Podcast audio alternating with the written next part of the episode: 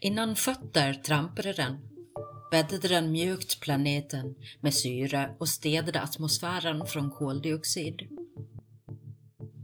När vi om några tusen år inte längre finns kvar om våra utrotningshotfullt bekväma vanor får fortgå kommer den ännu att utföra sina ödmjuka tjänster.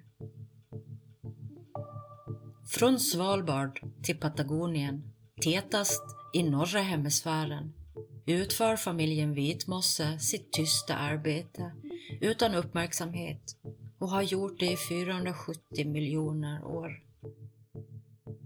Den pratar ett uråldrigt språk till oss som stannar, tystnar och lyssnar. Den är symbolen för det orörda och för tiden själv. Det som pågår utanför oss, oberoende av oss. Jag förtrollas av den, känner släktskap med dess rotlöshet. Den är inte bara skogens, utan hela planetens underdog.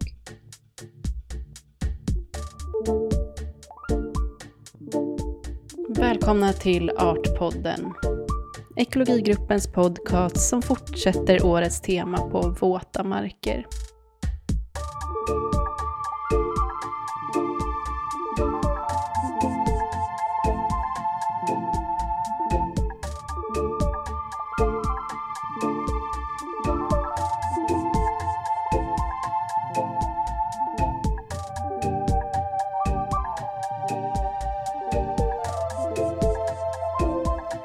Jag som gör podden heter Emma Holmberg. Den gotländska kvinnan ni nyss hörde och snart ska få höra mer av heter Jussi Kviberg.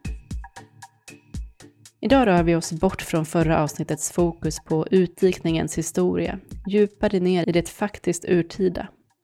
Vi ska ut till kärret, ner i mossen för att se vad som växer och för länge sedan har slutat växa och istället bevarats och fortsätter att bevara saker under ytan. Om vi låter det, det vill säga. Hur vi behandlar våtmarkerna har nämligen visat sig ha långtgående effekter. Och tar vi den lagrade kunskapen på allvar kan den ge oss djupare upplevelser av tiden vi är vana vid. De vattenfyllda torvmossarna, som vanligen består av i huvudsak döda vitmosserester, är syrefattiga i jämförelse med platser på land och förruttnar därför långsamt. Det är också därför de kan behålla spår av tidigare liv, dolt nere i träskens djup. Dessa torvmossar har inte bara visat sig utgöra källor till mumifierade mosslik, utan även källor till oerhörda mängder kol. Torvmossar täcker bara ungefär 3% av jordens landyta, men lagrar så mycket som en tredjedel av all kol som är bunden i jorden, vilket är ungefär lika mycket som det som finns i atmosfären. Vitmossrika torvmossar och myrar bidrar alltså med en minst sagt betydelsefull ekosystemtjänst, kolinlagring, så länge det tillåts vara våta. Dräneras det och därmed kommer i kontakt med syre frigörs istället kolen i form av koldioxidutsläpp. Och detta går snabbare ju varmare planeten blir. Men innan vi går vidare in på torv och klimat vill jag att vi stannar upp, tittar ner och tittar bak. Beger du dig ut på en myr, en mosse, en strandäng, fukthed eller in i en sumpskog är det nämligen så gott som omöjligt att inte sjunka ner i ett mjukt hav av mossa. Och den här mossan är inte vit, utan oftast grön, gul, brun, rosa eller starkt rödaktig i sin färg. Det är inte heller bara en vit mossa, utan en familj kallad Sphagnum, bestående av runt 300 mossor, varav drygt 40 arter finns i Sverige. Liten finsporig tvättsvamp suger den åt sig vattnet i omgivningen och gör dig blöt om både fötter och ben om du inte följt Bolandins råd om att ta på dig stövlarna innan du ger dig ut. Det är först när det torkar som det ger sken av sitt namn. Då bleknar det. Men så fort vitmossorna kommer i kontakt med fukt märks det hur livgivande vattnet är på den här planeten. Då färgas vitmossan igen och fortsätter att ge liv åt andra, även efter sin egen död. Vitmossans struktur, med två typer av celler, icke-levande hyalinceller och livsskapande fotosyntetiska celler, är anledningen bakom vitmossans oerhörda förmåga att förvara vatten, så mycket som hundra gånger sin egen vikt. Och även efter att en vitmossestam har dött behåller den stora delar av sin absorptionsförmåga, upp till 26 gånger sin egen vikt. och ger då förutsättningar för nya mossor, kärlväxter och djur att överleva i träsket.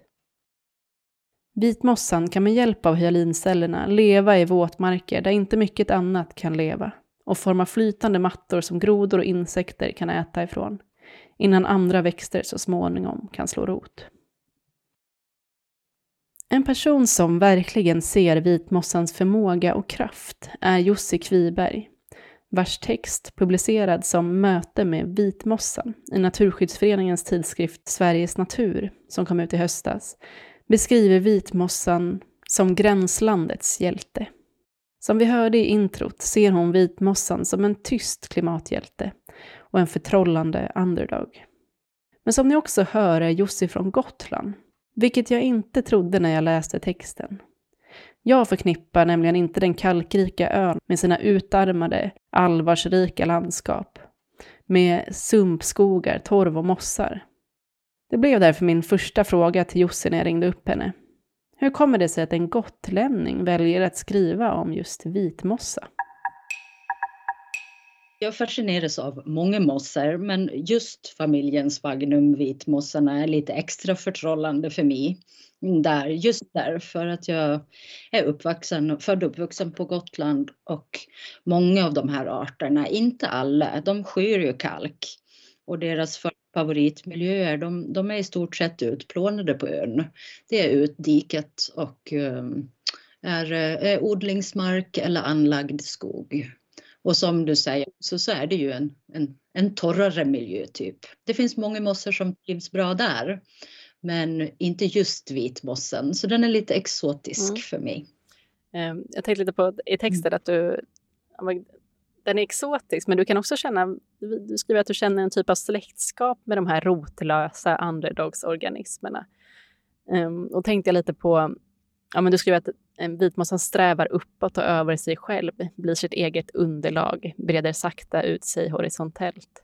Och nu har jag hört också från dig att du har flyttat och jag funderar lite på om det finns någon koppling här till din egen livsresa, att du, du strävar uppåt åt sidan, blir ditt eget underlag, breder sakta ut ja, det, det, det, ligger nog lite i det faktiskt, att mossor är ju rotlösa, så, så som jag eh, kan känna mig och alltid har känt mig lite grann, är en, eh, en eh, entusiastisk vandrare och resenär.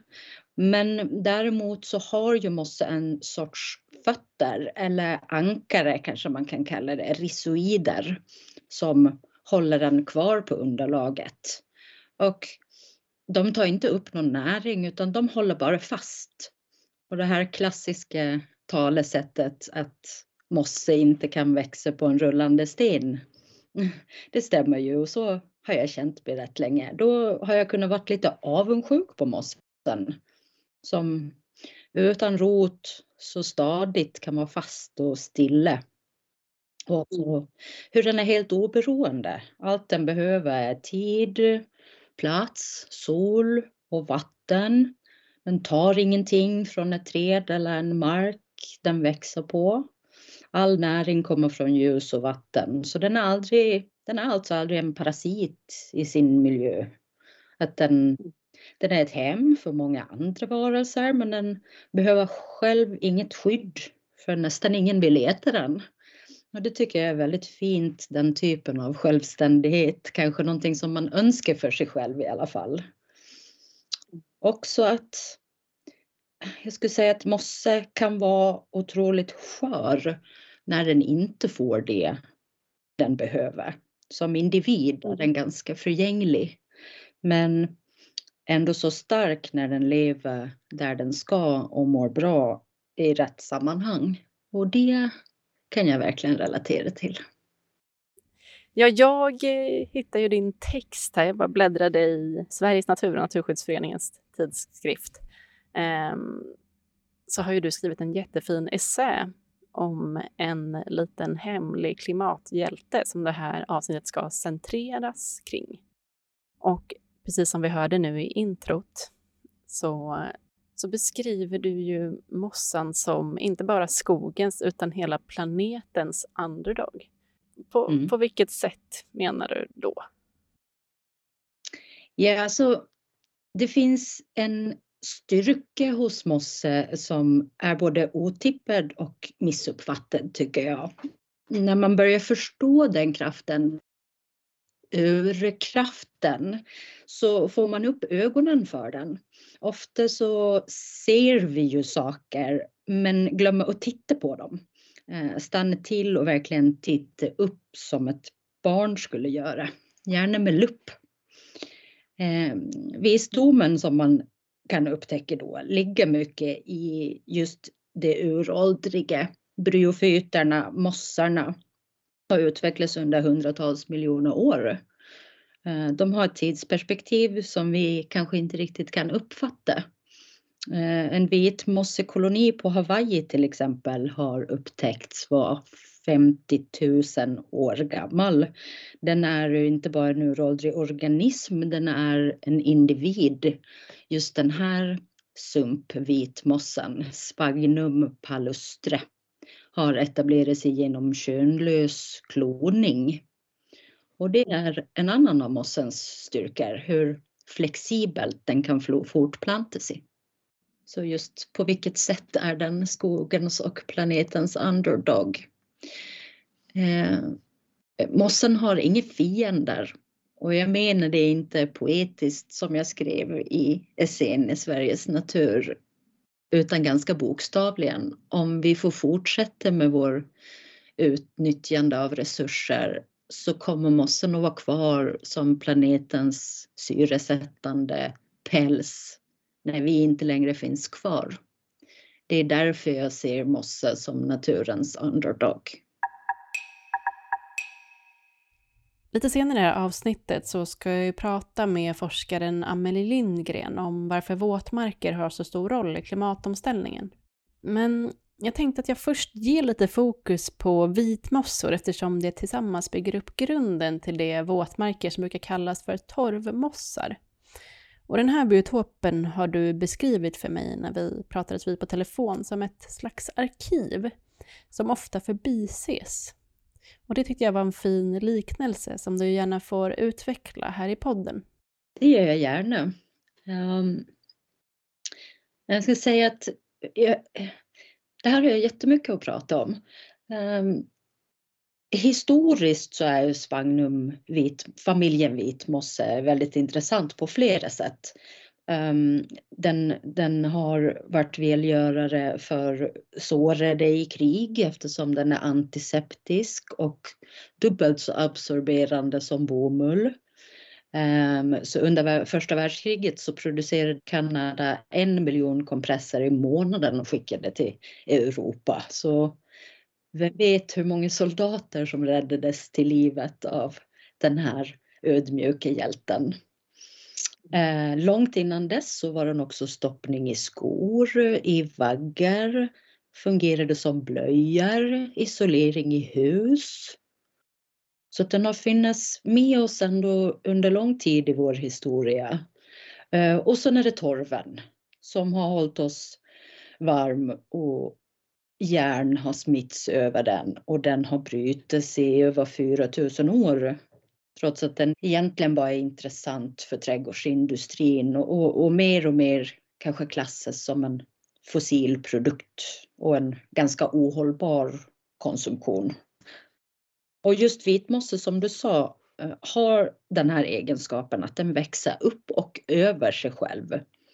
Så den fortsätter att växa ovanpå sig själv med lager och lager på lager av döda förfäder som en stöttande våt grund. Och det är de här lagren som blir det som vi kallar för torv. Den växer ungefär 3 millimeter per år med en genomsnittlig tillväxt på en meter per tusen år. Så det här är väldigt gammal materia.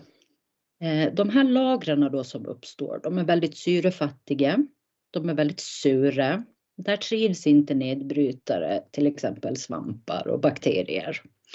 Och mellan de här lagren, djupt ner i torven är det surt, nästan lika surt som vinäger. Och mellan lagren så fångas och konserveras organiskt material. Det kan vara tyg, hår, pollen, delar från kärlväxter, mat, trä. Sånt som annars skulle förmultna i andra miljöer. Och här konserveras det som i ett arkiv, som picklad gurka i lag kan man säga.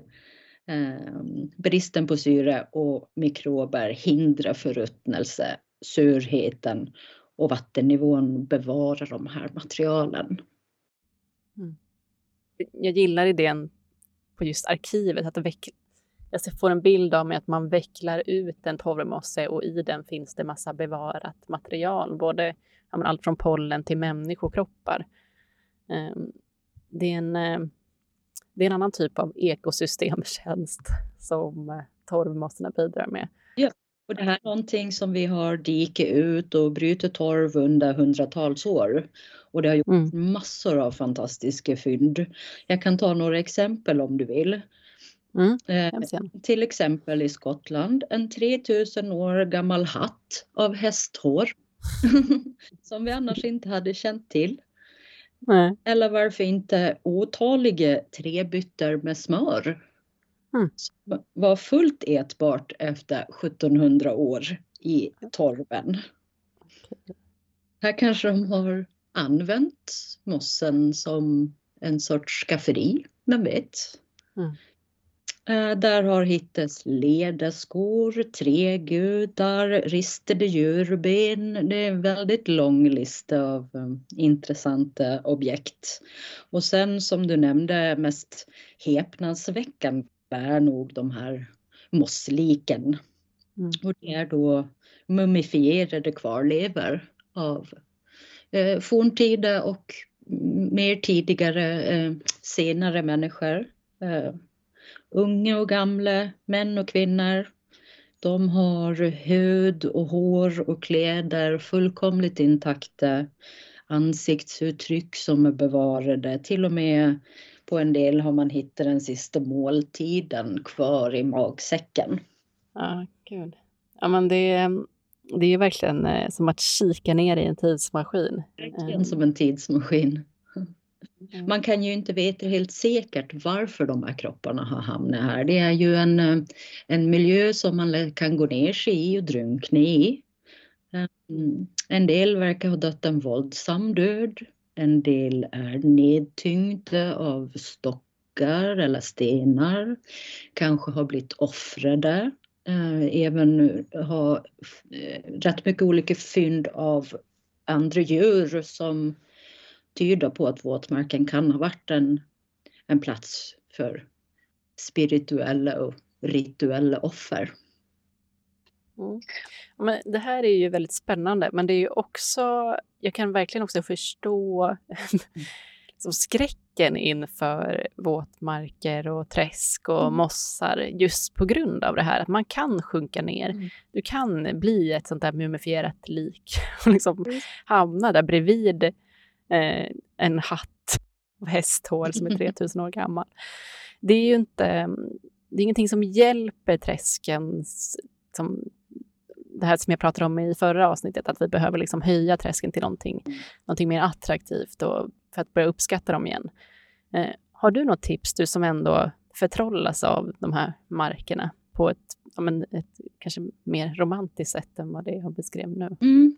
Alltså, de här miljötyperna, högmossar, våtmarker allmänt, de, de, är ganska otillgängliga för alla djur och ganska eh, Ehm, oberäkneliga. Man vet inte riktigt, är det fast mark, är det inte fast mark, är det en sjö med gungfly över? Mossen kan växa i flytande öar som ser fast ut och så vidare. Um, men ja, för mig så är nästan lite av romantiken och mystiken just i det. Att det är mm, det finns en spänning i jakten på att få se vitmossarna.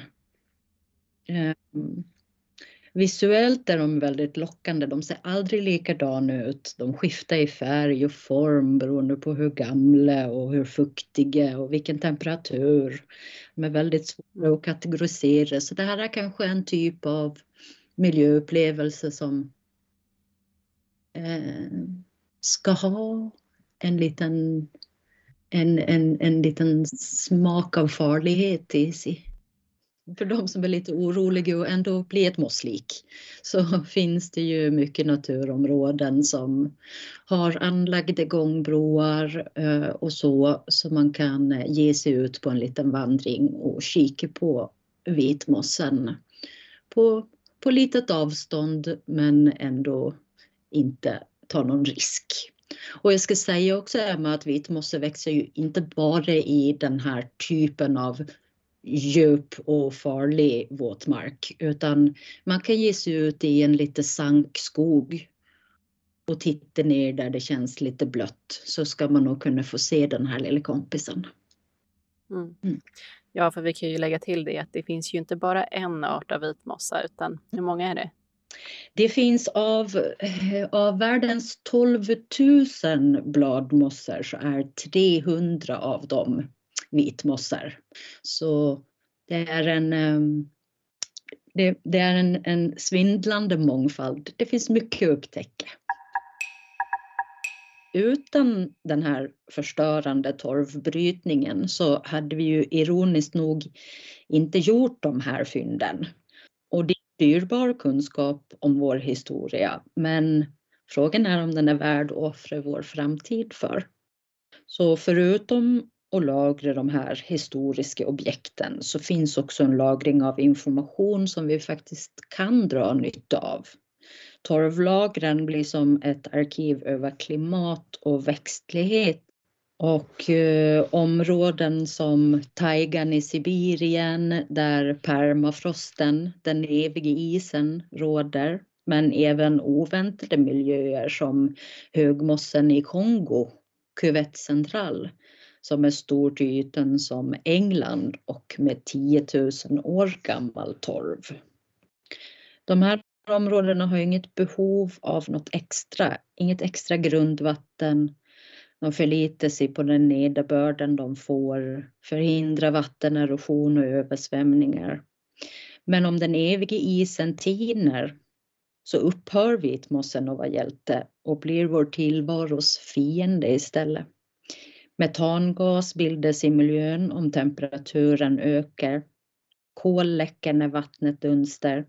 Värmen gör att de dyrbara klimatarkiven och det uråldriga smöret förmultnar och försvinner. Kolsänkorna blir snabbt läckande kol, så kallad kolrök, vilket ger en dramatisk kaskadeffekt. Så det visar sig ju ändå att mossen har en fiende och det är vi människor. Dock inte en dödlig fiende. Familjen vitmosse kommer att överleva. Den bara upphör att vara vår mjuka gröna vän. Och det är som vanligt bara vi som är vår egen fiende. Tack så mycket Jussi. Numera förflyttad från det vitmossfattiga Gotland till det mer mossrika landskapet där Skåne, Blekinge och Småland möts. Och visst blir det mer och mer uppenbart att dessa uråldriga mossor besitter mängder av kunskap och kol som till följd av sin långa lagringsprocess numera betraktas som fossila bränslen. Det rör sig om mycket äldre och mäktigare processer i våtmarkerna än vad vi människor tycks kunna föreställa oss eftersom vi fortsätter att bryta och dränera de ytor vi utan tvekan bör bevara intakta. Naturvårdsverket jämför utsläppen av växthusgaser från torrlagda kärr, mossar, sjöar och vikar med de årliga utsläppen av personbilstrafiken i Sverige, det vill säga 25 procent av Sveriges territoriella utsläpp. Varför gör vi då inte upp med den allomfattande utdikning och dränering av våtmarker som vi lärde oss har präglat Sveriges historia i förra avsnittet? Varför var till exempel en person så taggad på att framföra det enkla budskapet återställ våtmarker att han var tvungen att avbryta Loreens fina performance i Melodifestivalen? Dessa och en hel del andra frågor ringde jag och ställde till Amelie Lindgren eftersom hon forskar om just våtmarker och klimat vid Göteborgs universitet.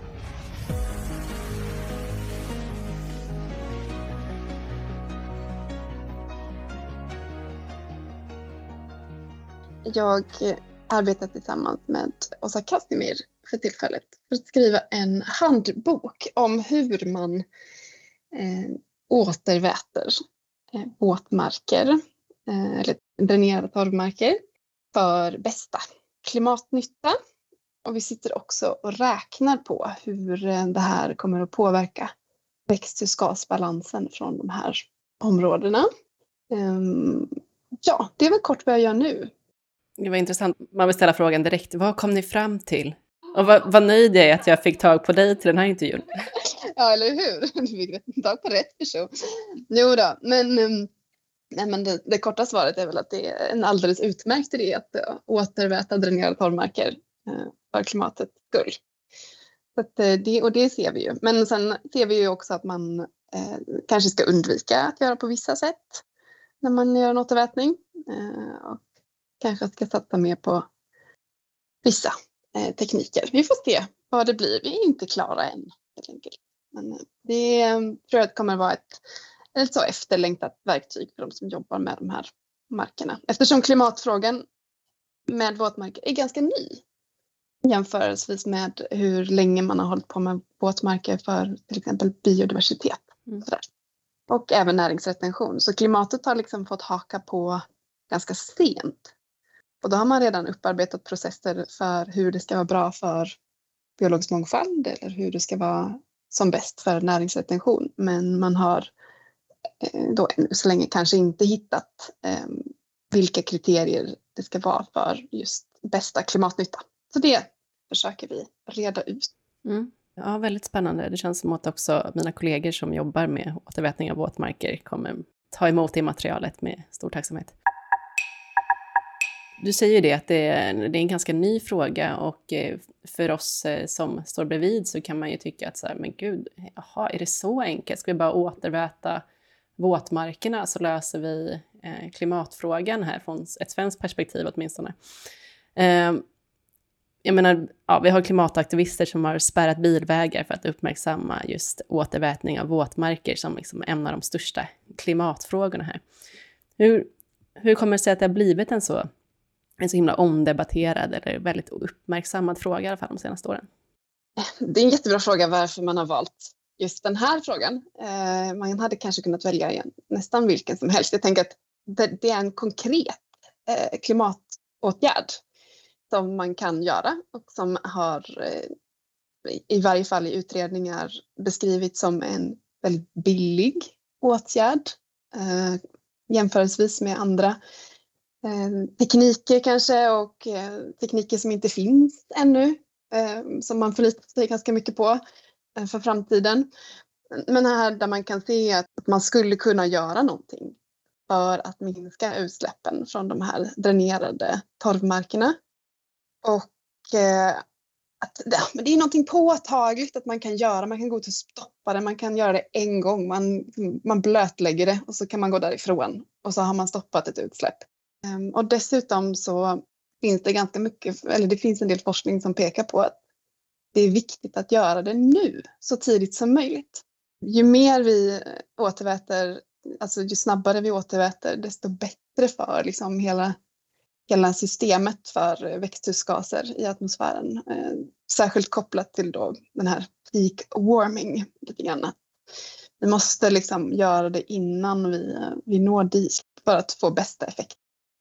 Men om det nu är en så liksom enkel, eller så, en, en relativt, relativt enkel och så praktisk åtgärd som kan göras nu, varför, varför görs det inte? Varför tar bara inte regeringen tag i det? Mm, den enklaste svaret är väl äganderätt egentligen. Du måste få med markägarna på att, att göra det här med deras marker. Um, det, är, det är inte bara, bara Eh, säga till bönderna exempelvis att här har ni en grej till som ni måste göra. Eh, det är nog inte så välkommet. Eh, så att, eller skogsägarna för den delen.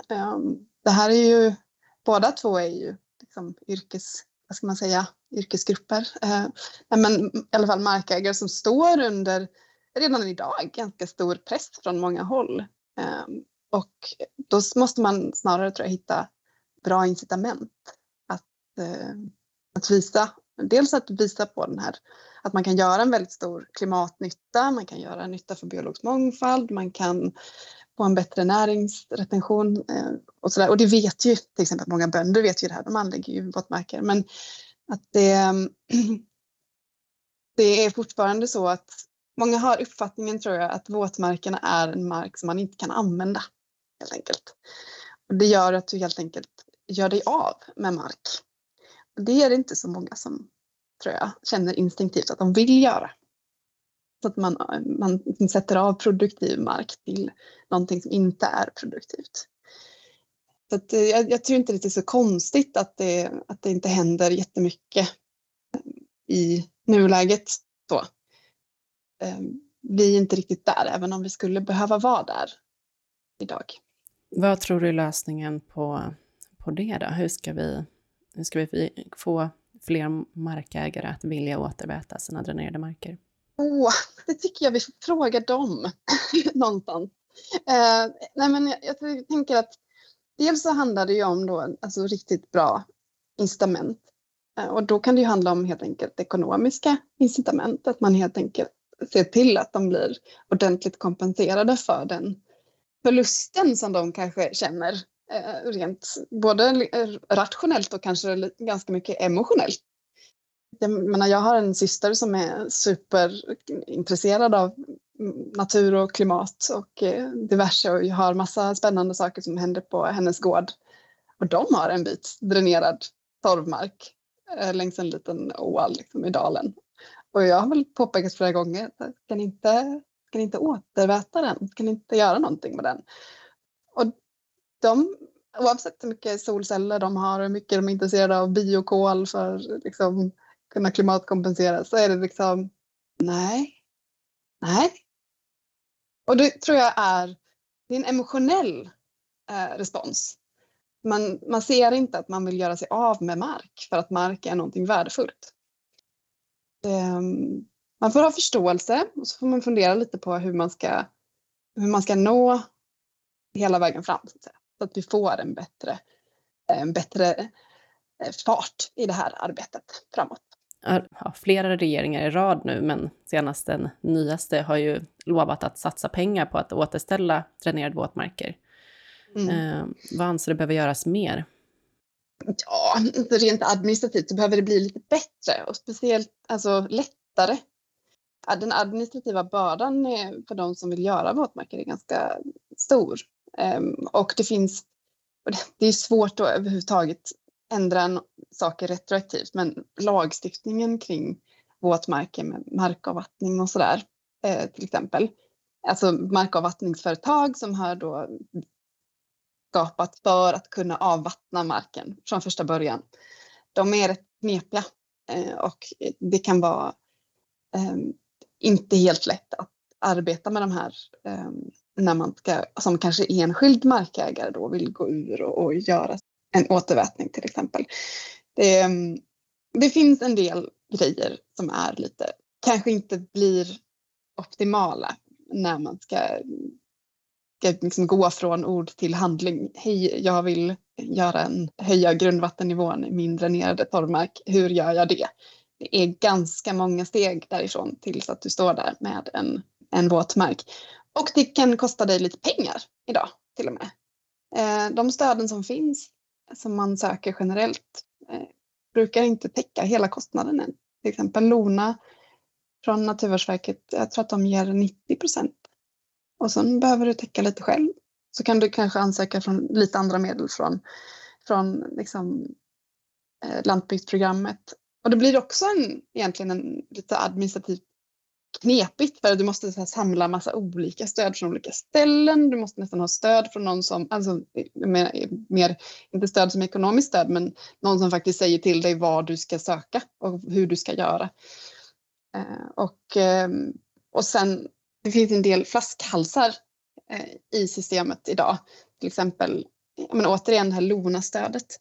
Då måste någon från den kommunen den här våtmarken eh, eller den här marken ligger i vara med och arbeta med detta. Och det är klart att om det är en person som sitter på den kommunen och ska arbeta med många projekt samtidigt så är det ju inte säkert att den personen hinner med och sådär. Okej, okay, så det är en del byråkra byråkratiskt Precis. meck i vägen. Det är mycket meck eh, i vägen. Eh, och eh, jag tror att jag är inte helt säker på hur man skulle liksom hitta vägar ur det här mecket. Eh, för det är inte min eh, starka sida. Men däremot så är det väldigt uppenbart när man, när man lyssnar på dem som sysslar med det här att det är krångligt. Och man får eh, även den uppfattningen när markägare berättar om varför de gör eller inte gör så är det ofta också att det här administrativa är en, en del helt enkelt. Okej, men för att då, om vi ska försöka smörja eh, både markägare och politiker till att vilja satsa på den här frågan trots byråkratin, eh, tänker jag att det, det kan ju vara väldigt bra eh, att vi går igenom var, varför det är så otroligt viktigt att återväta våtmarker. Um, vi kan ju börja med, vad händer egentligen när vattnet försvinner från våtmarker? Ja, men det som händer är ju egentligen att du tar bort Eh, hela den funktionen som har eh, gjort att kolet har stannat i våtmarken från första början eller har lagrats in i våtmarken.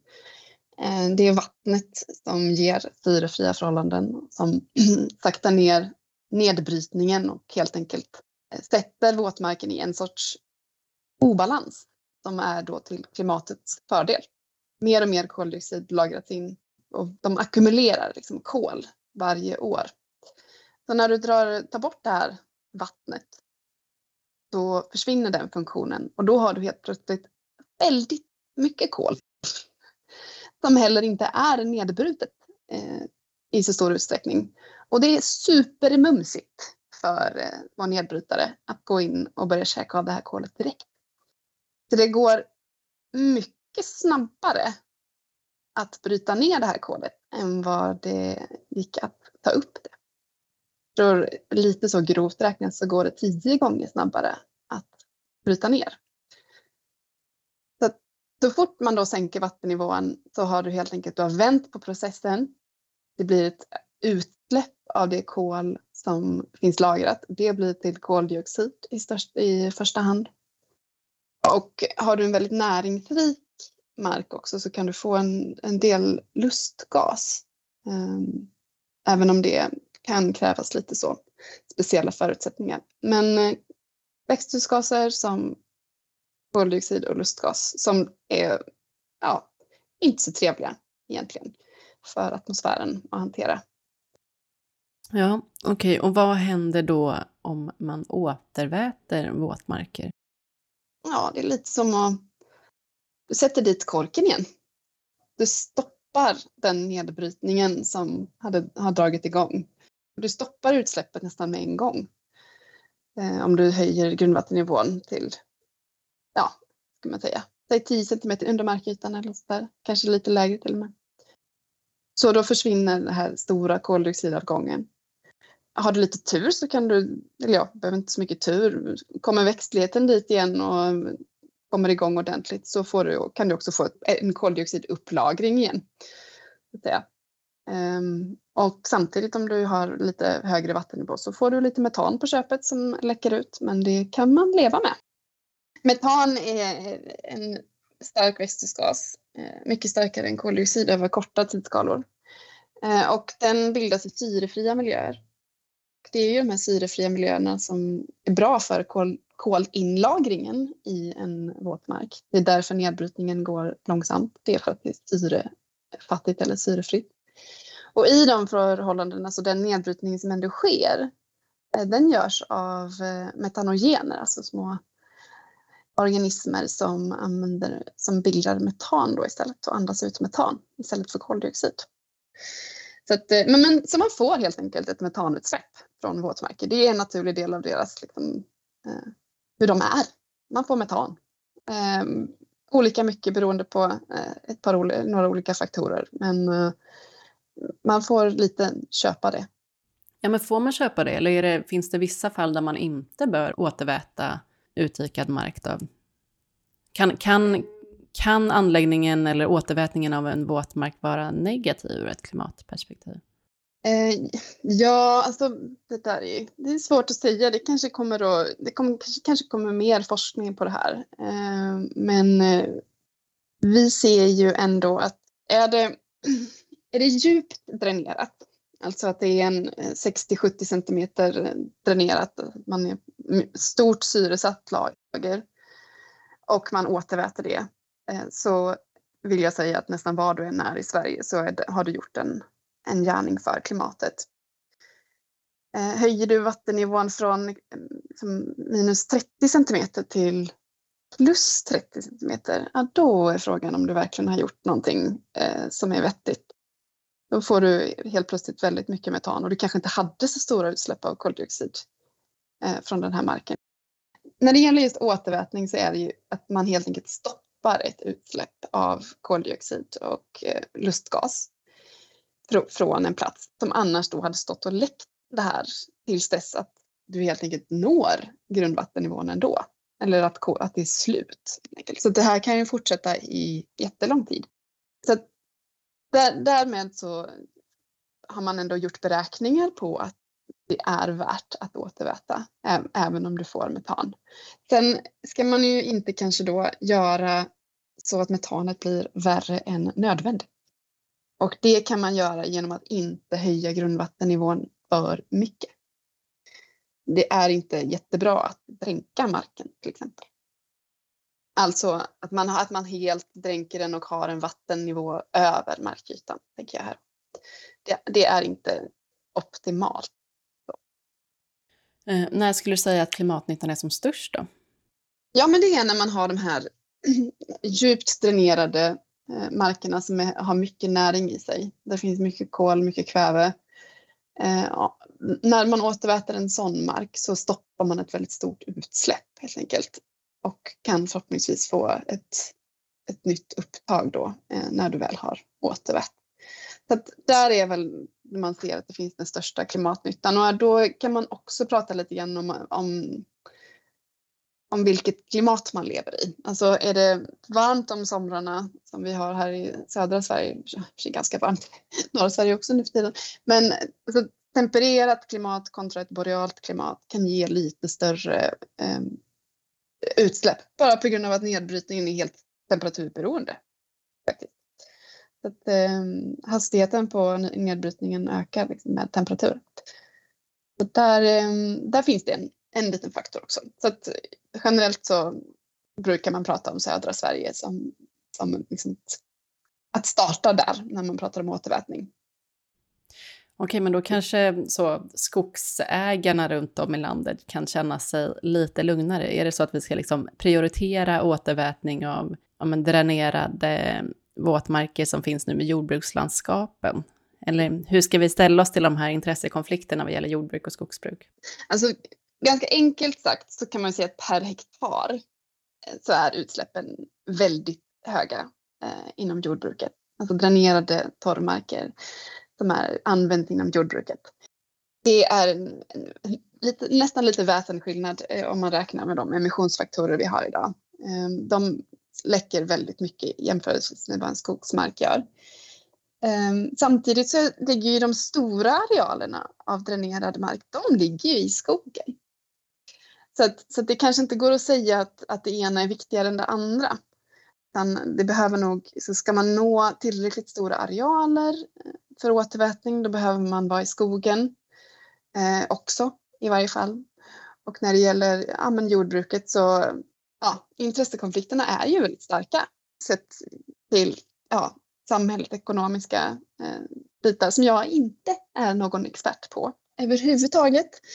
Eh, men det blir, ju, det blir ju såklart dyrare att till exempel köpa loss en, en jordbruksmark eh, om staten skulle göra det än att köpa loss en skogsmark, i alla fall som det ser ut idag. Så det kan man ju absolut fundera på. Men man måste kanske våga prata om åtminstone att, att de här jordbruksmarkerna läcker väldigt mycket växthusgaser. Jag tror att vi har gjort lite beräkningar på det och alltså, utsläppen är absurt stora eh, jämfört med, med liksom hela jordbrukssektorn. Så att om man räknar in utsläppen eh, av både koldioxid och lustgas på den här jordbruksmarken, den organogena jordbruksmarken brukar man kalla den.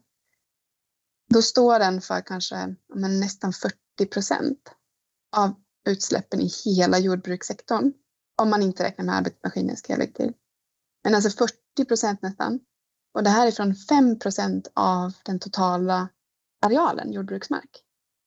Så det blir, om man inom jordbrukssektorn då vill börja sänka utsläppen så är ju det här en, en ganska bra kandidat att hantera. Sen hur man ska göra det eh, och hur man ska ersätta de här markägarna på ett rimligt sätt, det, det, det, det kan inte jag svara på för att det, det ligger nog väldigt mycket i det på, i, på många olika plan. Som sagt, både känslomässigt och ekonomiskt och på alla de sätt. Um, men, men det är viktigt att prata om det.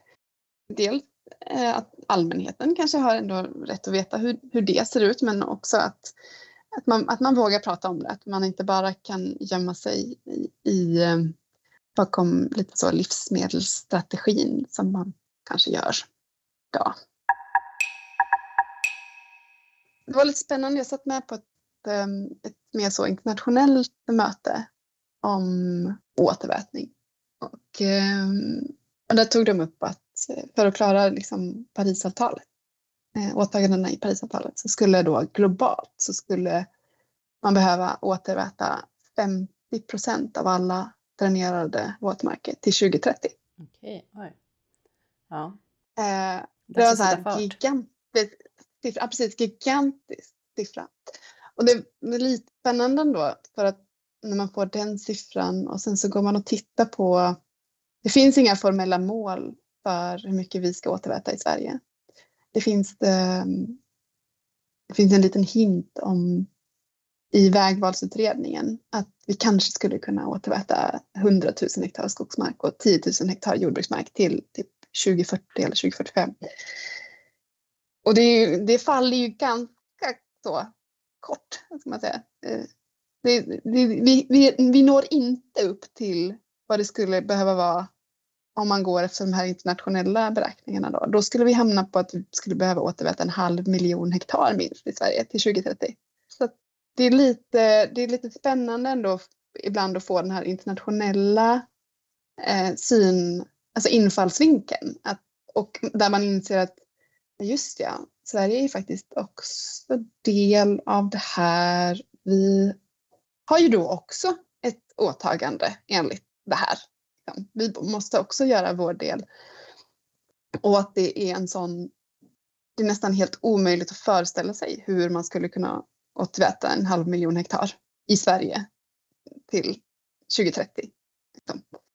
Så det är väl det är väl det. Vi får liksom sätta på, dra på stövlarna, eh, ut och gräva och eh, göra vår del egentligen. Verkligen. Mm. Boots on som Boladin Ja, precis. Det är väl så det är.